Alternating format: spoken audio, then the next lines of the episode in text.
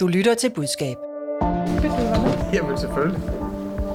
Det er jo min øh, absolute debut. Pod- Ja. Podcast debut. Mette Frederiksen har lavet sin egen podcast. Hun vil samtale med udvalgte mennesker, mens vi andre kan vælge at lytte med, hvis vi har lyst til det. Hvad får Mette Frederiksen ud af det rent vælgermæssigt? Er det klogt for landets statsminister at stille spørgsmålene i stedet for at give svarene? Og risikerer hun, at det giver bagslag at tage rollen som udgiver og afsender på et medie? Velkommen til Budskab, Fagbladet Journalistens nyhedsmagasin om kommunikation, hvor vi også ser nærmere på DR, der i denne uge måtte beklage flere fejl i en stor historie. Mit navn er Line Erner. Thomas Hundsbæk, jeg kigger på dig. Vil du have rådgivet Mette Frederiksen til at lave en podcast, hvor hun stiller spørgsmålene? Det tror jeg faktisk ikke, jeg ville, men jeg kan godt se, hvilke fordele hun får ud af det. Okay, velkommen. Du er kommunikationschef i 3F og tidligere særligere rådgiver for Sofie Carsten Nielsen. Janne Thunel, jeg kigger på dig. Du er et nyt ansigt her i Budskab. Velkommen til. Tak skal du have. Dejligt, at du vil være med. Vi er glade for at have dig her. Du er kommunikationschef i Red Barnet, og også tidligere kommunikationschef for Socialrådgiverforeningen. Og du skal også have et indledende spørgsmål. Vil du have rådgivet statsministeren til at lave sin egen podcast? Jeg tror, jeg vil have sagt, hvis du skal lave den, så skal du virkelig tænke over formatet.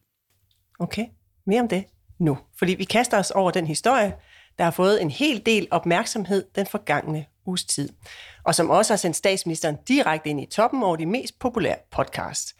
Med inspiration fra den tidligere amerikanske præsident Franklin D. Roosevelt har Mette Frederiksen sat sig foran mikrofonen. Første gæst var informationschefredaktør Rune Lykkeberg. For noget tid siden, før der var en krig i Ukraine, der mødtes vi to til noget helt andet, nemlig en snak om danske medier og vores offentlige samtale.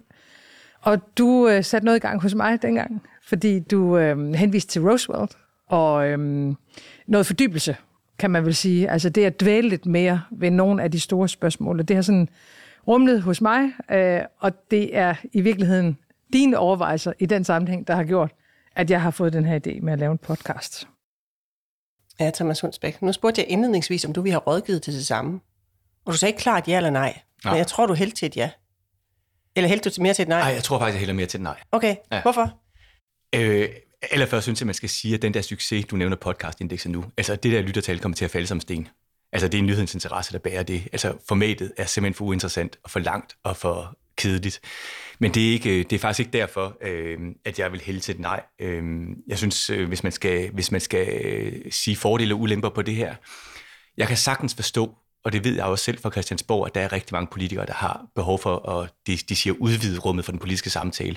Altså pressen øh, måde at gå ind i næsten al øh, øh, politisk historiefortælling, det handler om, hvem er det her synd for? Hvem er det nu, der bliver udsat? Altså, det, det, er jo, det, er jo, det er jo go-to-redaktion, når der kommer et nyt politisk udspil. Det politikere ret ofte har lyst til, som er meget egentlig ret sympatisk, det er at sige, hvad er det for et samfund, vi gerne vil bygge? Og jeg kan godt forstå, at man nu, når man har fået øh, retten øh, og muligheden øh, til at råde over sin kommunikation meget mere, end man havde tidligere, at man har lyst til at udvide det der rum for den politiske samtale. Ja, for er det ikke også meget smart med en podcast? Du slipper jo. Ligesom for det der kommentarspor, der er på Facebook og så Okay, jo. videre. Det, det er jo mere, du sender det her ud, og så kan folk modtage det, hvis de har lyst Ja, til ja, det. du kan, og du kan, du kan tale bredere, du kan tale øh, hvad hedder det, øh, visioner. Det er der ikke øh, ret ofte pra- øh, plads til i, øh, i pressen. Det er det fra enkelt sag til enkelt sag. Øh, hvor, er, øh, hvor er det, det kritiserbare inde i det her politiske udspil? Ikke, hvad er visionen? Men hvorfor siger du så alligevel nej? Øh, og derudover vil jeg bare sige en anden fordel, som jeg synes er kæmpe stor øh, for hende, det er at tage shine for andre person, personer. Altså Rune Lykkeberg, øh, Svend Brinkmann, det er, jo, øh, det er jo darlings i hver deres segment, som hun selvfølgelig gerne vil tage lidt shine fra, og det forærer de hende, til hende ved at sige ja til at stille op i de der formater. Når jeg siger, øh, når jeg siger nej, øh, når jeg nok vil sige nej, hvis hun kommer og foreslår det til mig, så er det første, for det første, fordi jeg siger, har hun egentlig brug for det der shine? Hun står et ret godt sted. Øh, og er det så værd at løbe den risiko, som er forbundet med? Den risiko synes jeg faktisk er ret stor. Altså den der akademiske diskussion, der er lige nu om det presseetiske, om, øh, som, og det du i virkeligheden også spørger til, den synes jeg faktisk er lidt ufarlig for en nu, fordi den er det Men generelt, vende- men den bliver skide farlig, når den bliver konkret. Forestil dig for eksempel, dengang Bo Elkær øh, forsøgte at få et svar fra Anders Fogh 671 gange. Det var Det var, informationsjournalist. ja, ja, han var vist på Ekstrabladet dengang. Han var Ekstrabladet og Information og samarbejde, så vidt jeg husker på den der Irak-hvidbog og alt, øh, hvad der var omkring det. Men kunne Ru- Rune Lykkeberg have siddet der og sige, jeg har en journalist, øh, der 671 gange ikke har kunnet nå statsministeren, uden at når han sidder ansigt til ansigt og skal spørge. Hvis hun så undviger eller redigerer det ud eller et eller andet, så har du lige pludselig en konkret kritik, og den vil kunne ramme hende. Den vil kunne ramme hende på et af de steder, et af de få steder, hvor hun lige nu er politisk sårbar. Det er på hendes magtfuldkommenhed. Det er jo det, hun bliver kritiseret for, og det er lige præcis derfor, hun løber en stor risiko ved at gøre det her, hun gør. Og så kigger jeg jo på Jan Tunnel. Du nikker lidt, men jeg ved jo også, du indledte med, med at sige ja, men det var formatet. Du måske var mere lidt kritisk over for. Hvorfor vil din anbefaling være et ja til at lave sådan en podcast? Jamen, det vil, konklusionen vil ende øh, der, hvor vi landede et format, før vi tog beslutningen, om vi skulle gøre det eller ej. Øh, men jeg vil sådan set give øh, opbakning til netop ambitionen om at udvide den demokratiske samtale til noget andet øh, og få plads til visionerne og, øh, og, og tænke højt sammen. Altså, det kan du godt det se, der er et behov for? Det kan jeg godt se, der er et behov for. Det vil jeg sådan set gerne gå med ned ad den vej. Jeg er også fuldstændig øh, klar over i den her situation, og jeg synes, det er åbenlys for enhver. Derfor er, deler jeg også din holdning til hele øh, diskussionen omkring den her. Det, det er ikke, der er ikke noget odiøst eller farligt i, at hun laver en podcast som sådan, øh, fordi folk kan godt se, hvad det her er. Folk kan godt se, at det netop er øh, at den tænkende Mette øh, frem for den meget egenrådige lev Mette Mette, øh, og den øh, væk fra øh, makralmaderne og vinduespudsningen og fællessangen, og måske mere over i, i øh, storbyvælgerne, som, som Socialdemokratiet har, har skidt svært ved at få fat i, øh, og, og, og prøve at tække dem og netop låne noget ethos fra nogle darlings klart.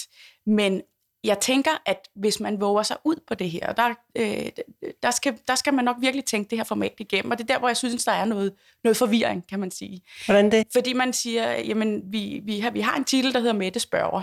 Øh, der har man angivet, tonet rent flag og sagt, det er mig, der stiller spørgsmålene her, det skal I vide.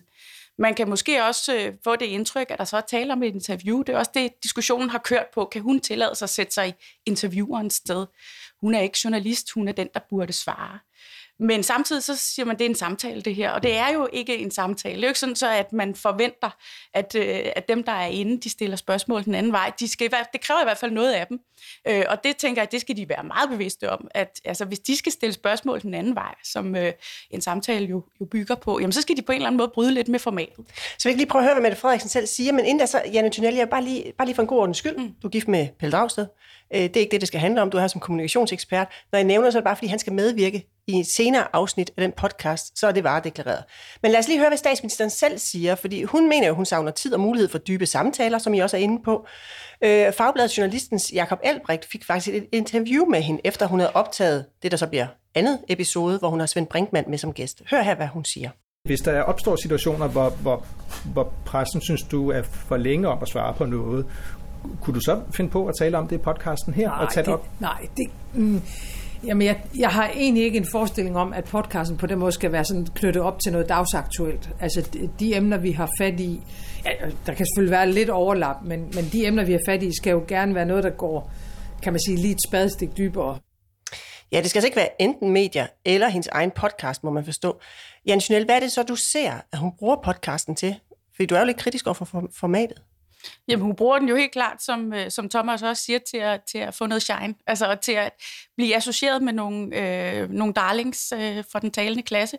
Øh, hun bruger den til at, at, at, øh, at forsøge at flytte sit image. Udfordringen er her, øh, eller risikoen for hende, det er, at det kan blive for tykt.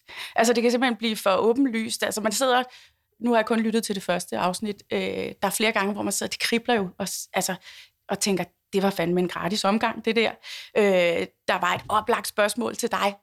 Du svarer faktisk ikke på det, og hvor vil jeg gerne have svaret øh, på det her. Og hvis det bliver for tykt for mange gange for folk, jamen så risikerer det jo bare at bekræfte i virkeligheden den her enrådighed, øh, som, hun, som øh, jeg tænker, hun gerne vil væk fra. Øh. Thomas Hulsbæk, kan altså, hun følge, altså kommer det, tror du, det kommer til at virke, hvis det er intentionen at flytte vælger? Altså kan hun flytte vælger med det her? Jeg, jeg tror simpelthen, det er for snævert. Jeg tror, hun kan flytte øh, nogle få. Øh, det, nej, det vil, jeg, det vil jeg sige, det kan hun ikke.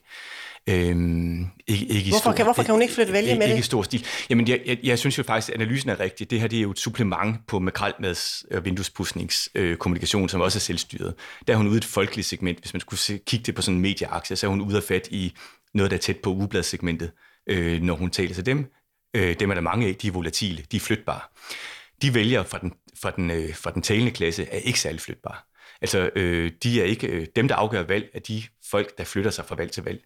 Og jo, øh, jo mere du kommer op i, hvad skal man sige, hvis du tager den der medieaktie, du siger, du har øh, ugebladet ud på den ene side, og du har øh, øh de betalte dagmedier ud på den anden. Det er meget bevidste læsere. Det er folk, der faktisk godt ved, de kan måske flytte fra, øh, fra, fra, fra partiet til det, der står lige ved siden af. Men det med at flytte en vælger over midten, det der afgør, hvem der har magten, det kan hun ikke gøre det her format. Fordi de folk, som det her appellerer til, er folk, der nogenlunde godt ved, hvad de mener om det meste. Øh, så der er ikke meget at flytte her øh, på det her. Jeg tror sådan set heller ikke, øh, selvfølgelig er det altid, når man er øh, politiker, en vigtig del af ens analysearbejde, men det her tror jeg i virkeligheden er sådan en bredere imageopbygning, hun er i gang med. Ja, ja, ja, ja. Jeg vil bare lige en, en ting mere, jeg vil sige øh, i forlængelse af det, øh, som Janne siger, så vil, jeg, øh, så vil jeg også sige, at det bryder jo med en helt fundamental logik, både hos journalister, men også hos lytteren, det er, at statsministeren er jo ikke den, der stiller spørgsmål. Det må statsministeren gerne gøre, men man forventer fandme også, at hun kan svare på dem. Ja, for du skal prøve at se, at lanceringen ja. har jo været til at få øje på. Øh, der har været masser af omtale. Øh, mange reagerede negativt i første omgang, særligt journalister, ja. som I er inde på her. Øh, Frihedsbrevets Mads Brygger skrev sarkastisk på Twitter, at statsministeren aldrig har tid til interviews med dem, og så sagde han, skrev han, citat, citat, til gengæld har vi en statsminister, der har tid til at lave podcast med nogle af vores største skønånder, så det er okay. Øhm, og politikens kronikredaktør Markus Rubin, han giver podcasten to stjerner og skriver, at grundproblemet netop er det her med, at statsministeren er magthaver, ikke journalist. Hun skal svare på spørgsmål, ikke stille dem. Øh, og Jan Tunnel, jeg ved, der var særligt øh, et øh, emne i podcasten, hvor du stussede over det her med, at hun så er den, der stiller spørgsmål, eller jeg ved ikke, hvor mange spørgsmål hun stiller øh, i samtalen, men jeg skal lige prøve at høre det, da de kommer ind på klimakrisen. Hvis vi lige prøver at tage sådan et spring fra den store verden. Øh, jeg har teenager derhjemme, det ved jeg også, at du har. Øh, hvordan, tror du, hvordan tror du, det er at være ung lige nu? Altså, hvad er det, der sker? Jeg tror, øh, øh, jamen du ved det jo lige Fordi de fangede jo klimaspørgsmålet, før vi andre gjorde. Ja. Sikkert ikke før dig, men jeg tror, der er mange voksne, der har en oplevelse derhjemme omkring middagsbordet, at det var vores unge, der så det før os selv. Ja, Jan Tunnel. Hvad var det, du du sidder over her? Jamen, man tænker jo, øh, hun, og hun fortsætter jo øh, videre end det klip, vi lige har hørt her, med at sige, altså sådan lovprise ungdommen for det her klarsyn, de havde, deres mod til at gå på gaden og så videre. Og så det oplagte spørgsmål er så, ja, og hvad er så hvad, hvad tager du så med dig fra de unge, og hvad gør du ved det med det? Flaskehalsen peger på dig. Øh, det er rimelig åbenlyst. Øh, og, og, og den kommer hun jo let omkring. Der er også andre steder, hvor hun ligesom Øh, hun, hun bruger jo Rune Lykkeberg så utrolig meget, altså hele forstå, historiefortællingen om, hvorfor hun overhovedet har lavet den her podcast. Men også flere gange, hvor hun siger, jamen jeg er jo enig med dig, men det kan vi vende tilbage til, og så vender hun aldrig tilbage. Så, så på den måde er det sådan lidt ufarligt, og en gratis omgang. Men er det ikke smart? Er det ikke smart? Det er smart, men, men det kan også være en risiko, hvis det bliver for tydeligt og for tykt. Altså at folk tænker, ja okay, altså så bliver det en makrelmad to, ikke? Så bliver det sådan noget, man, øh, man kan lave sjov med. Øh, så, så man skal virkelig tænke over formatet. Øh, øh, selvom ja. man har en god ambition om at gerne vil udvide den demokratiske debat. Ja, og Thomas, er det der, hvor du, du sagde indledningsvis også, du ser en risici, er det den risici, du også ser, altså at det bliver for ukritisk? At hun øh, ikke påtager sig ansvaret, som hun jo trods alt har som landets statsminister? Der vil være nogle steder, hvor det vil blive så åbenlyst, og hvor kritik vil være konkret ind på et bestemt emne. Det skal du svare på nu, statsminister. Du tager selv emnet op. Øh, eller du undlader at svare på det andre steder. Øh, så kan hun ikke sidde og freespeake øh, på et emne øh, som statsminister. Det er simpelthen ikke det, man forventer. Og der er en risiko forbundet med, at det er bare for at gentage min pointe fra før, så er det, at den risiko er ikke akademisk, den er konkret. At det vil sige, at der er ikke den øh, Mads Brygger-diskussion lige nu er fuldstændig ligegyldig for her for Danmark. Hvorfor det? Øh, fordi, øh, ja, vi kan, vi kan sådan set starte, sådan en journalist, der har sådan lidt en forestilling om, at øh, det er de troværdige, der bringer sandheden til tors, og politikerne er øh, de utroværdige, som skal øh, som skal holde sig op mod væggen og give svar på de ting, de ikke vil. Ude i folkedybet, som er dem, øh, som meget handler om her, der er der tre faggrupper, der er suverænt mere utroværdige end alle mulige andre. Det er bilforhandlere, det er politikere og det er journalister. Altså journalister har ikke den der troværdighed, så man taber ikke så meget, som, journalist, som journalister gerne vil tro, når man som politiker tager styringen over sin kommunikation selv, og ikke lader den filtrere gennem journalister. Men hvornår er det så? Fordi der er ikke, fordi der er ikke nødvendigvis set ud i folkedybet en, en, en, omsætning, en omsætning af øh, hvad hedder det, øh, af et budskab fra utroværdigt til troværdigt ved, at det bliver behandlet af et medie. Men, desværre. Men hvornår, men er det, er det. hvornår er det så, du tænker, Janne Tunnel, det går hen og bliver for tykt? Er det så med dem, der lytter med, eller hvor er det konkret, øh, risikoen ligger hen? Jamen, det er med dem, der lytter med. Altså, det, og det er mere troværdigheden i forhold til selve programmet. Altså, vil hun reelt den samtale? Ikke? Det er der også nogen, der har, der har spurgt sådan retorisk, jamen, lytter hun? Ikke? Og der kan man sige, jamen, hvis hendes mål alene var at lytte, så kunne hun jo hive de her folk ind til en samtale uden publikum. Hun vælger at hive dem ind til et, øh, med publikum, og det er der en grund til, og, og, og der tænker jeg, der tror jeg, at hun har, og hendes folk har en reel ambition i hvert fald måske om at, og, øhm, om at udvide den demokratiske samtale. Det, det kunne jeg i hvert fald godt tænke mig at tro. Men man kan, man kan, øh, det kan blive så åbenlyst, at, der, at selve formatet mister troværdighed og dermed også interesse, fordi bliver vi så reelt klogere? Ikke? Og det må, vi jo også, det må man også øh, jo vurdere hen ad vejen. Altså, jeg, jeg tror nok, jeg øh, kan blive klogere, eller synes, det er interessant, afhængig af, hvilken gæst der er derinde, der får lov til at tale. Ikke? Så på den måde lever jeg med det. Øh, øh, hvad hedder det? Med formatet, også fordi jeg synes, det er så gennemskueligt. Men, men, øh, men det er klart, at, øh, at hvis formatet ligesom skal holde, øh, så, så, øh, så, skal det ikke være, så skal det ikke være sådan, at man sidder for mange gange der og tænker, ej, den her, den kom du for let omkring. Ikke? Det, det, det overgår man ikke at høre. Ja, nu må vi se, det er Svend Brinkmann øh, næste gang, og indtil videre faktisk, første afsnit, det har fået middelmodige anmeldelser. Altså, det ligger jo i toppen af, af hitlisten, nummer et stadigvæk, der var inde og kigge øh, her til morgen. Øh, på iTunes, lige nu der er den samlede karakter tre stjerner på en skala fra 1 til 5. Jeg ved jo så ikke, om det er alle dem, der ikke kan lide hende, der sidder og, og trækker mm. den ned. Det kan jeg jo ikke vide noget om. Ja.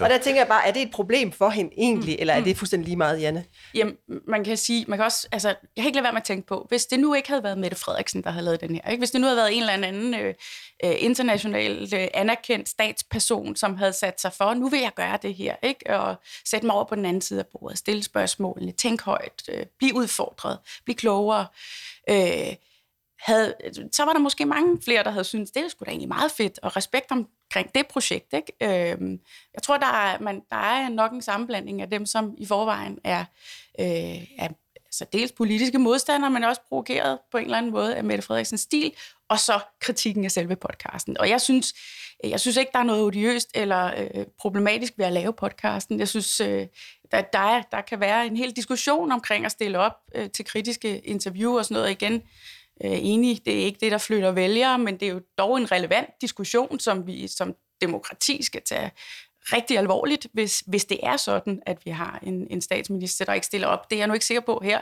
eller det kan jeg ikke vurdere faktisk. Øh, men, øh... lad, lad mig lige runde af over dig, Thomas. Nu er du sådan klart på det her nej, på om du vil rådgive. Hvad skulle der til for, at du vil rådgive en statsminister til at lave en podcast? Øh, altså det kunne jeg sagtens foreslå, at man kunne gøre. Øh, jeg vil sige, jeg vil, jeg vil starte med at kigge på udgangspunktet. Hvor er det, du står henne, øh, statsminister, når du starter? Altså hvis man var øh, helt i tårne, øh, ikke havde, øh, hvad hedder det, øh, øh, en særlig god øh, platform til at gå ind i et valg på, øh, hvis man var lidt mere desperat, end øh, hun burde være, så kunne det jo være, at man kunne sige, jeg, skal, jeg har en vælgergruppe, jeg ikke kan nå, øh, den laver jeg noget, der er målrettet til. Øh, det, synes jeg, øh, det synes jeg ikke, øh, hun rammer her.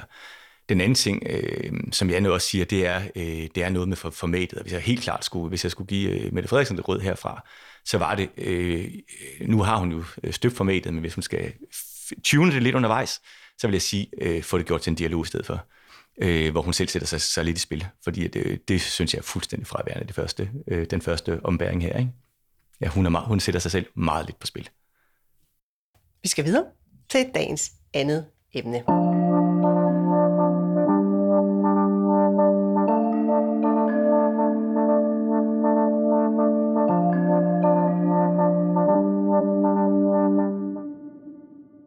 Nu skal vi se lidt nærmere på en historie, hvor Danmarks Radio har begået flere fejl. Den 26. april, der gik DR ud med en historie, som de valgte at køre på stort set alle deres platforme. Beregningen af miljøpåvirkningen af at dumpe slam i Køgebugt fra byggeriet af den kunstige halvø Lynetteholm i København baserer sig på en 40 år gammel artikel om udgravning af flodlejre i USA. En 40 år gammel artikel fra en amerikansk lærebog. Denne konklusion er baseret på en 40 år gammel amerikansk artikel, der ifølge en række eksperter er ubrugelig. Og det er langt fra første gang, at Lynetteholm er i store problemer.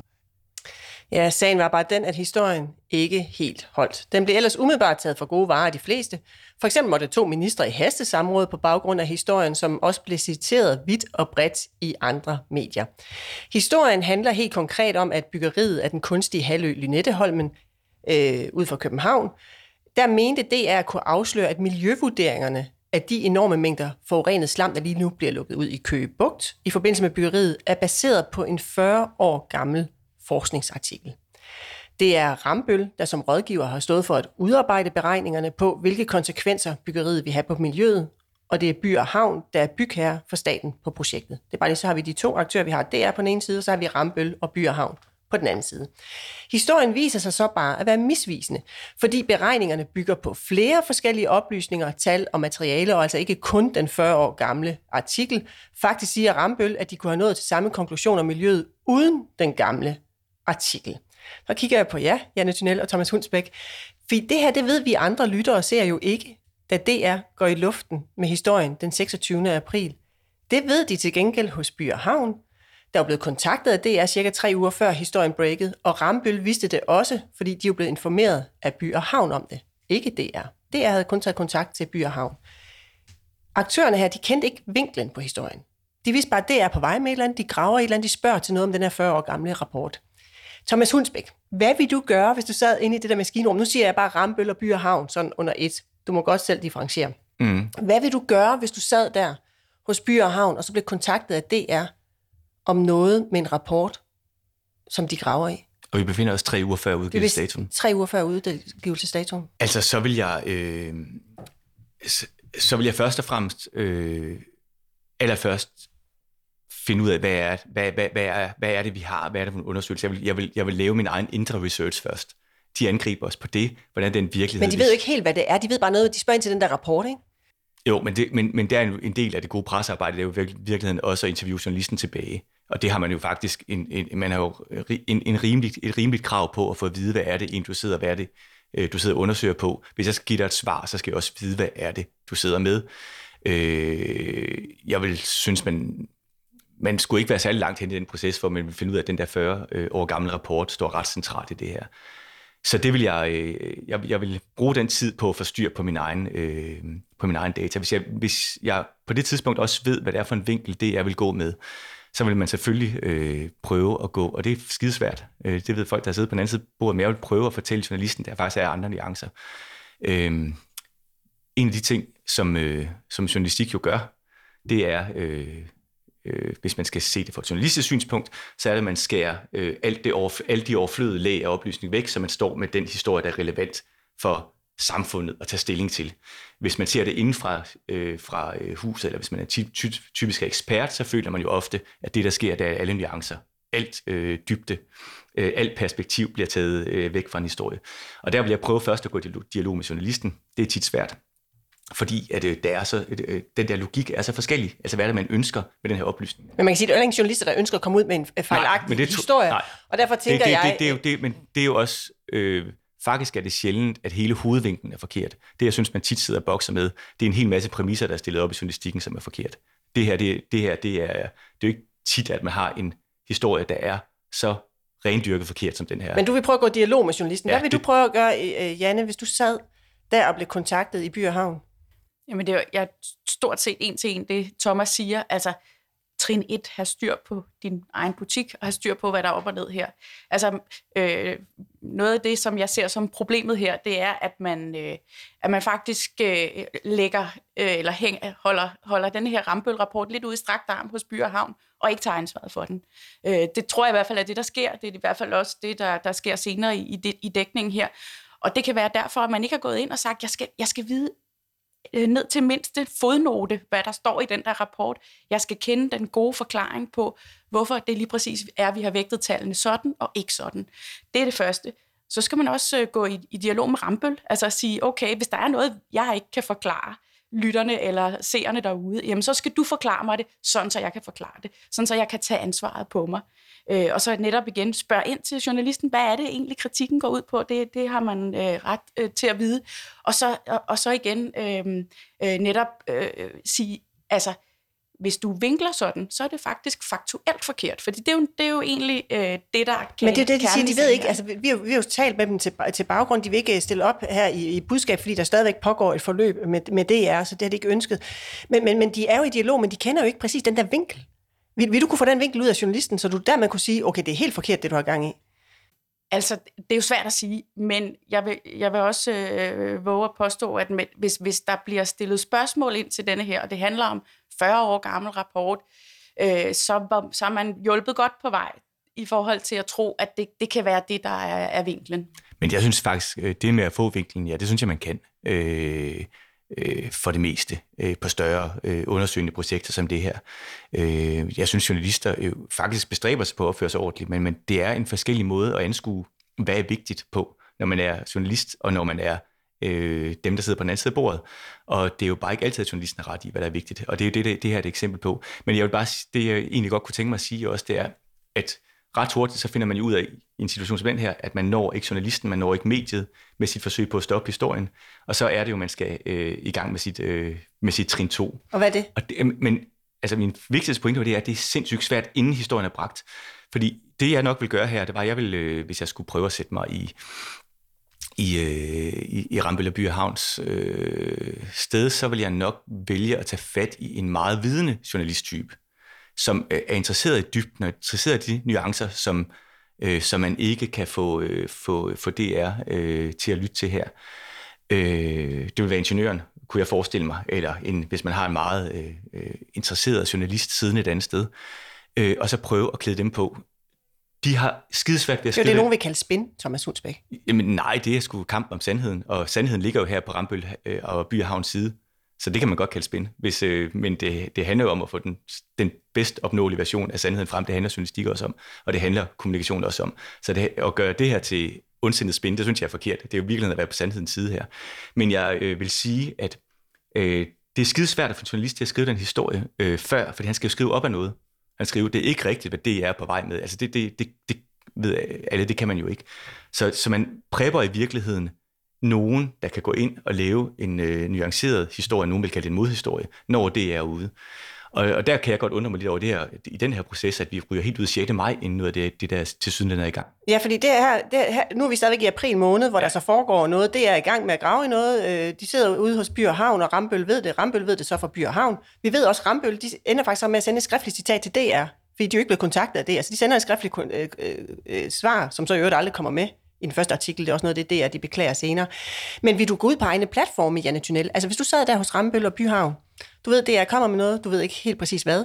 Vil du gå ud selv og preppe noget på dine egne platforme før lanceringsdatoen?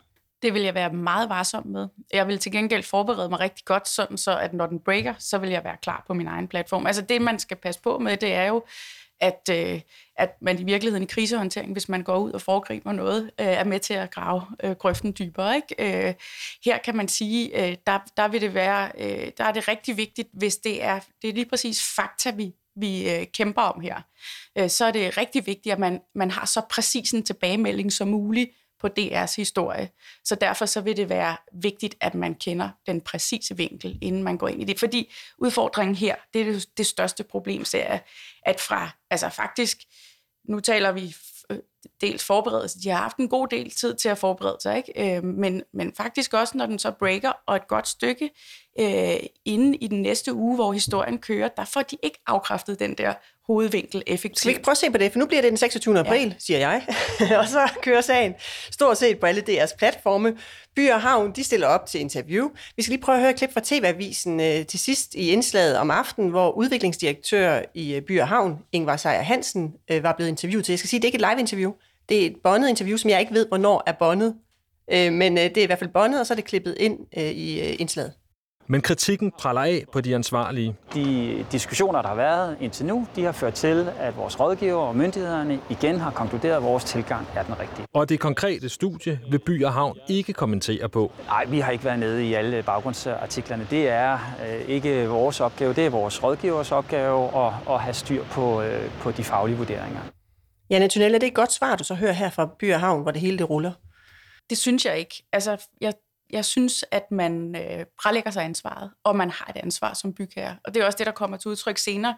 Altså, der bliver sådan noget abekasteri øh, mellem også Transportministeriet, som går ud og siger, at det er faktisk bygherrens ansvar, og øh, Rambøl, eller hvad hedder det, By og Havn siger, at det endelige ansvar ligger jo egentlig hos ministeriet, fordi de har tilsynspligten osv. Altså, så det der med i sin forberedelse at kende aktørerne og være sikker på, hvad er egentlig det formelle ansvar her, øh, og så planlægge øh, sin kommunikation i forhold til at få den rigtige historie ud efter når, det. Når du siger planlægge, betyder det så, at du også vil opfordre dem til at planlægge det sammen? de her forskellige aktører? Jeg vil i hvert fald, øh, hvis det var mig, der var øh, bygherre og havde bestilt en undersøgelse, der skulle lægge til grund for en, en miljøvurdering øh, og det arbejde, jeg skulle lave, så vil jeg da være i tæt kontakt med dem, helt sikkert. Og det vil jeg forhåbentlig også være inden. Altså, i, i den bedste af alle verdener, så altså stor tilhænger af fuld gennemsigtighed og, øh, og, og lige præcis på sådan noget metode og, øh, øh, og, og nuancer i det, der skal man kunne stå på mål for det, også selvom man øh, hyrer nogen til at det, lave det, en det, det, det er for. svar, hvis jeg skal Ja. være, altså fordi Okay, at, hvorfor at, det? Ja, fordi at det første, er- apropos det vi sagde før. Det kan være klippet og alt muligt andet, det er ikke et live interview. Nej, men for, for, for, for styr på dine ting, og man får jo ikke styr på sine ting ved at sige, arm, øh, ud, ud i øh, øh, strakt arm, det er de andres skyld. Han kunne jo som det første ringe over til Rambøl og sige, jeg vil have en grundig rapport på, hvad der ligger til grund her, hvad er op og ned. Nu kender vi kritikken. Øh, altså, man kan jo ikke stå der og sige, det her har jeg slet ikke noget med at gøre over til kameraet. Altså, det går jo ikke. Historien, den kører øh, fuldt drøn derudad. Øh, Rambøl, de får sendt to pressemeddelelser ud i de efterfølgende to dage, og lægger dem op på hjemmesider og sender bredt ud til medier. Og der er også andre medier, der nu begynder at følge op på historien med udgangspunkt i, hvad Rambøl siger.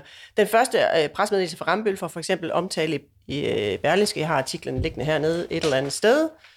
Øh, den hedder Domding af tonsvis af slam i Køge Bugt, bygger på skandalevurdering, lyder kritikken. Nu tager virksomheden bag til genmæle. Så Rambøl begynder ligesom at komme ud over rampen. med Deres pressemeddelelse nummer to for omtale 60 steder. 60 steder, du så øh, du mener så, det er Ritzau, der går igen i alle mulige lokalmedier.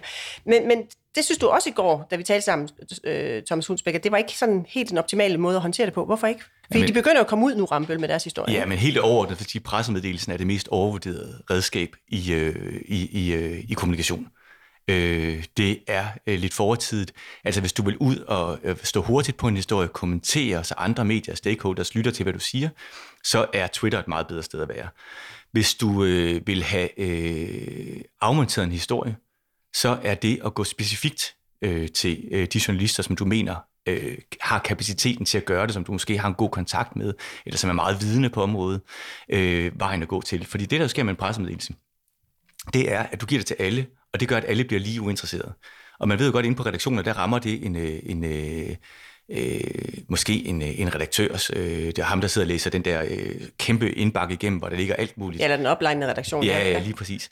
Og øh, så bliver det måske sendt videre, måske gør det ikke, det er helt tilfældigt. Og, og nu ved jeg godt, at det her, øh, det pressemeddelelse kan bruges til, det er, hvis man meget hurtigt skal have en stor spredning af en enkelt oplysning, så kommer det til at ligge ude i slæbesporet på, øh, på sitesene. Øh, det er der, hvor Ritzau, øh, de korte Ritzau ligger, for Ritzau er ret dygtige eller flinke til at tage øh, pressemeddelelserne, øh, når de er relevante inde i en, en dagsorden. Så laver de et take på den, og så kommer det til at stå øh, på alle øh, små medier. Men det bliver ikke stået et sted, hvor der er særlig mange læsere. Det der jo er virkeligheden på sitesen, det er også, at der er nogle historier, nogle få historier, der bliver læst rigtig meget, og der er noget, der bliver læst virkelig, virkelig lidt. Og det her, det hører til det sidste. Så jeg vil bare sige, pressemeddelelser, øh, og de har, de har et kæmpe, de, de er sejlivet at komme af med den, fordi at de har den store fordel, at de passer utrolig godt ind i byråkratiet. Det er noget, hvis du så sidder som kommunikationsmedarbejder, så øh, er det utrolig bekvemt, fordi så får du alle til at godkende det. Du kan få alle aktører, øh, at nogen, som, som ikke engang vil have pressen er interesseret i, hvad mener. Du kan få alle ind i din organisation øh, i, til at tale. Du kan få det godkendt, så din ryg er fri, og så kan du sende det ud, og så kan du sige, wick, vi har gjort noget, ikke? Øhm, Men de gør men det jo er mere, bare ikke effektivt. Men de gør mere end det, Mm. fordi, og, og i hvert fald noget, der så kommer til at være effektivt, fordi bag i kulissen, der, der klager øh, både By og Havn og Rambøl til DR. Øh, der er et forløb øh, over den der uge, og så klipper vi til en måned senere, nemlig i denne her uge, mandag den 23. maj. Der er altså simpelthen gået næsten en måned fra historien blev bragt til denne uge, hvor så DR kommer med en beklagelse. Skal vi ikke lige prøve at høre, hvordan det lød? I vores dækning fremgik det, at godkendelsen baserede sig på en 40 år gammel amerikansk forskningsartikel om udledning af kvælstoffer. Vi skulle tydeligt have angivet, at der ifølge konsulentfirmaet Rambøl også lå yderligere analyser og andre data til grund for at godkende dumpningen af slam i Køge Bugt. Ligeledes skulle vi have givet Rambøl mulighed for at svare på kritikken af miljøvurderingsrapporten allerede fra den 26. april. TV-avisen beklager fejlen. Ja, og tilsvarende lød det faktisk på DR's andre platforme, for eksempel i radiovisen P1 Morgen og på DR.dk. Vi har været i kontakt med DR's chefredaktør Thomas Falbe, som skriver i en mail, at DR valgte at bringe deres rettelse af historien efter en intern evalueringsproces, og så skriver han videre, jeg citerer, det har taget lidt tid at komme til bunds i en teknisk vanskelig sag, men det handlede for mig om at være så præcis og dækkende som muligt i forhold til at rette op på den fejl, vi har begået, og sikre, at vi også beklagede på alle de platforme og formater, hvor historien udkom. Janne Tunnel. Hvis nu du sad hos Rambøl og By og Havn, vil du så tænke, at det her det genopretter øh, din troværdighed og tilliden til dig som øh, aktør? Nej, øh, det vil jeg ikke. Øh, og, det, og en, efter sådan en, en storm her, der skal man jo altid sætte sig og gøre boet op og se, hvad, hvilke skader øh, er, er der sket øh, på, på skuden. Ikke? Øhm, og der vil, jeg, der vil jeg ikke tænke, at nu var vi home safe øh, og hjemme, og jeg vil øh, i, i høj grad jo gå ind og netop øh, også tage et kritisk blik på, hvordan havde jeg håndteret denne her historie. Fordi det, som Øh, altså det, det er selvfølgelig en, det er en tydelig markering fra, fra DR's side. Man må også sige, at den er massiv på alle Altså det er ikke sjovt, tror jeg, for DR at sidde og skulle læse det op i alle deres udsendelser, vel? Og det, og det er kun øh, fint og godt, at, øh, at det sker, fordi at, øh, det, er, det er vigtigt, at man er skarp på det der. Det er også for journalistikkens troværdighed og alt sådan noget. Øh, men, øh, men, men det er jo ikke sådan, at man sidder tilbage med, at øh, altså, selve kampen om, om troværdigheden af miljø, øh, hvad hedder det, vurderingen, den, den ligger der jo stadig, kan man sige. Og den er vi jo ikke gået ind i nu her. Altså, der, der, vil vi, der er vi heller ikke eksperter nok til at kunne vurdere Nej, vi tager kommunikationen, det ikke? Men, men det, at man kommer så sent ud på det med, at det, at det er faktuelt forkert, hvis man alene siger, at det bygger på en artikel, og det understreger det jo ikke, og at man så sent kommer ud med det her med, at jamen, vi kunne have kommet frem til det samme resultat, selvom vi havde trukket den artikel ud. Ikke? Det er jo det er fatalt. Så på den måde, så synes jeg ikke, det er sådan, at man står tilbage med sådan en, yes, øh, alt er godt, øh, og det her projekt det er fuldstændig uden problemer. Thomas Hunsbæk, hvad er dit bedste råd til andre, der sidder derude og, og, og bliver kontaktet af nogle medier, eller et medie, der graver i noget, og man ved ikke lige præcis, hvad det er, men hvor man jo må tænke, der må være en fælles interesse om, at det er trods alt sandheden, der kommer frem, at der ikke, fordi det har jo ikke nogen interesse i at komme ud med en forkert historie. Så hvad kan man, hvad vil være dit bedste råd til ligesom at prøve at få den der fornemmelse af, at det godt at vi sidder forskellige steder og forskellige dagsordner, men målet er stadigvæk at få den rigtige historie frem. Men det er jo, øh, vi, vi er virkelig tilbage der, hvor jeg tror, Janne startede, men det er jo det aller, aller vigtigste for overhovedet at kan gå ind i den øh, samtale med journalisten, det er, at man har styr på sine ting. Det er, at man har styr på det og kan svare hurtigt, relativt hurtigt. Øhm, så det er det aller, allerførste, jeg går i gang med. Det er virkelig at lave mit, min indre research, altså i, i organisationen. Hvad er det for nogle rapporter? Når det er det, vi bliver angrebet på, hvad er det så, vi er liggende? Øh, så det synes jeg er det aller, aller øh, første skridt, man skal gå i gang med. Øhm, det er ikke, det er ikke, øh, jo, det er jo også en slags, det er jo også en del af en, en, af en, en måde at styre kommunikation på, men det er jo ikke sådan en klassisk kommunikation. Det er virkelig sin fagmedarbejder, man skal ud og arbejde og sige, hey, hvad er det der op og ned her? Ja. Jeg tror, vi skal til at runde af. Janne Thynel, kommunikationschef i Red Barnet. Det var en fornøjelse at have dig med i budskab. I lige måde. Øh, tak. Og også tak til dig, Thomas Hulsbæk, kommunikationschef i 3F. Selv tak. Skal I til Folkemøde på Bornholm? Ja. ja. Det skal budskab også. Og i den forbindelse der efterlyser vi dilemmaer og spørgsmål fra lytter, ja, lytter, til en særudsendelse, der skal laves øh, på Bornholm. Så hvis nu du sidder derude med et dilemma, eller gerne vil have et godt råd fra vores eksperter, så skriv til os på, nu får jeg min mailadresse, budskab journalisten.dk. For den igen, budskab journalisten.dk. Og spørgsmålet bliver selvfølgelig i anonymiseret form, så hverken du eller din arbejdsplads bliver udstillet. Og så vil jeg ellers runde af med at sige, som jeg plejer. Du lyttede til Budskab, der er skabt af Fagbladet Journalisten. Redaktør er Marie Nyhus. Rakkerpark Productions står for lyd og teknik. I dagens afsnit har du hørt klip fra statsministerens spørg, og DR. Du kan abonnere på vores podcast. Giv den meget gerne en anmeldelse på din vej. Mit navn er Line Ernlund. Og husk, ord er ikke bare ord. Tilsammen udgør det dit budskab.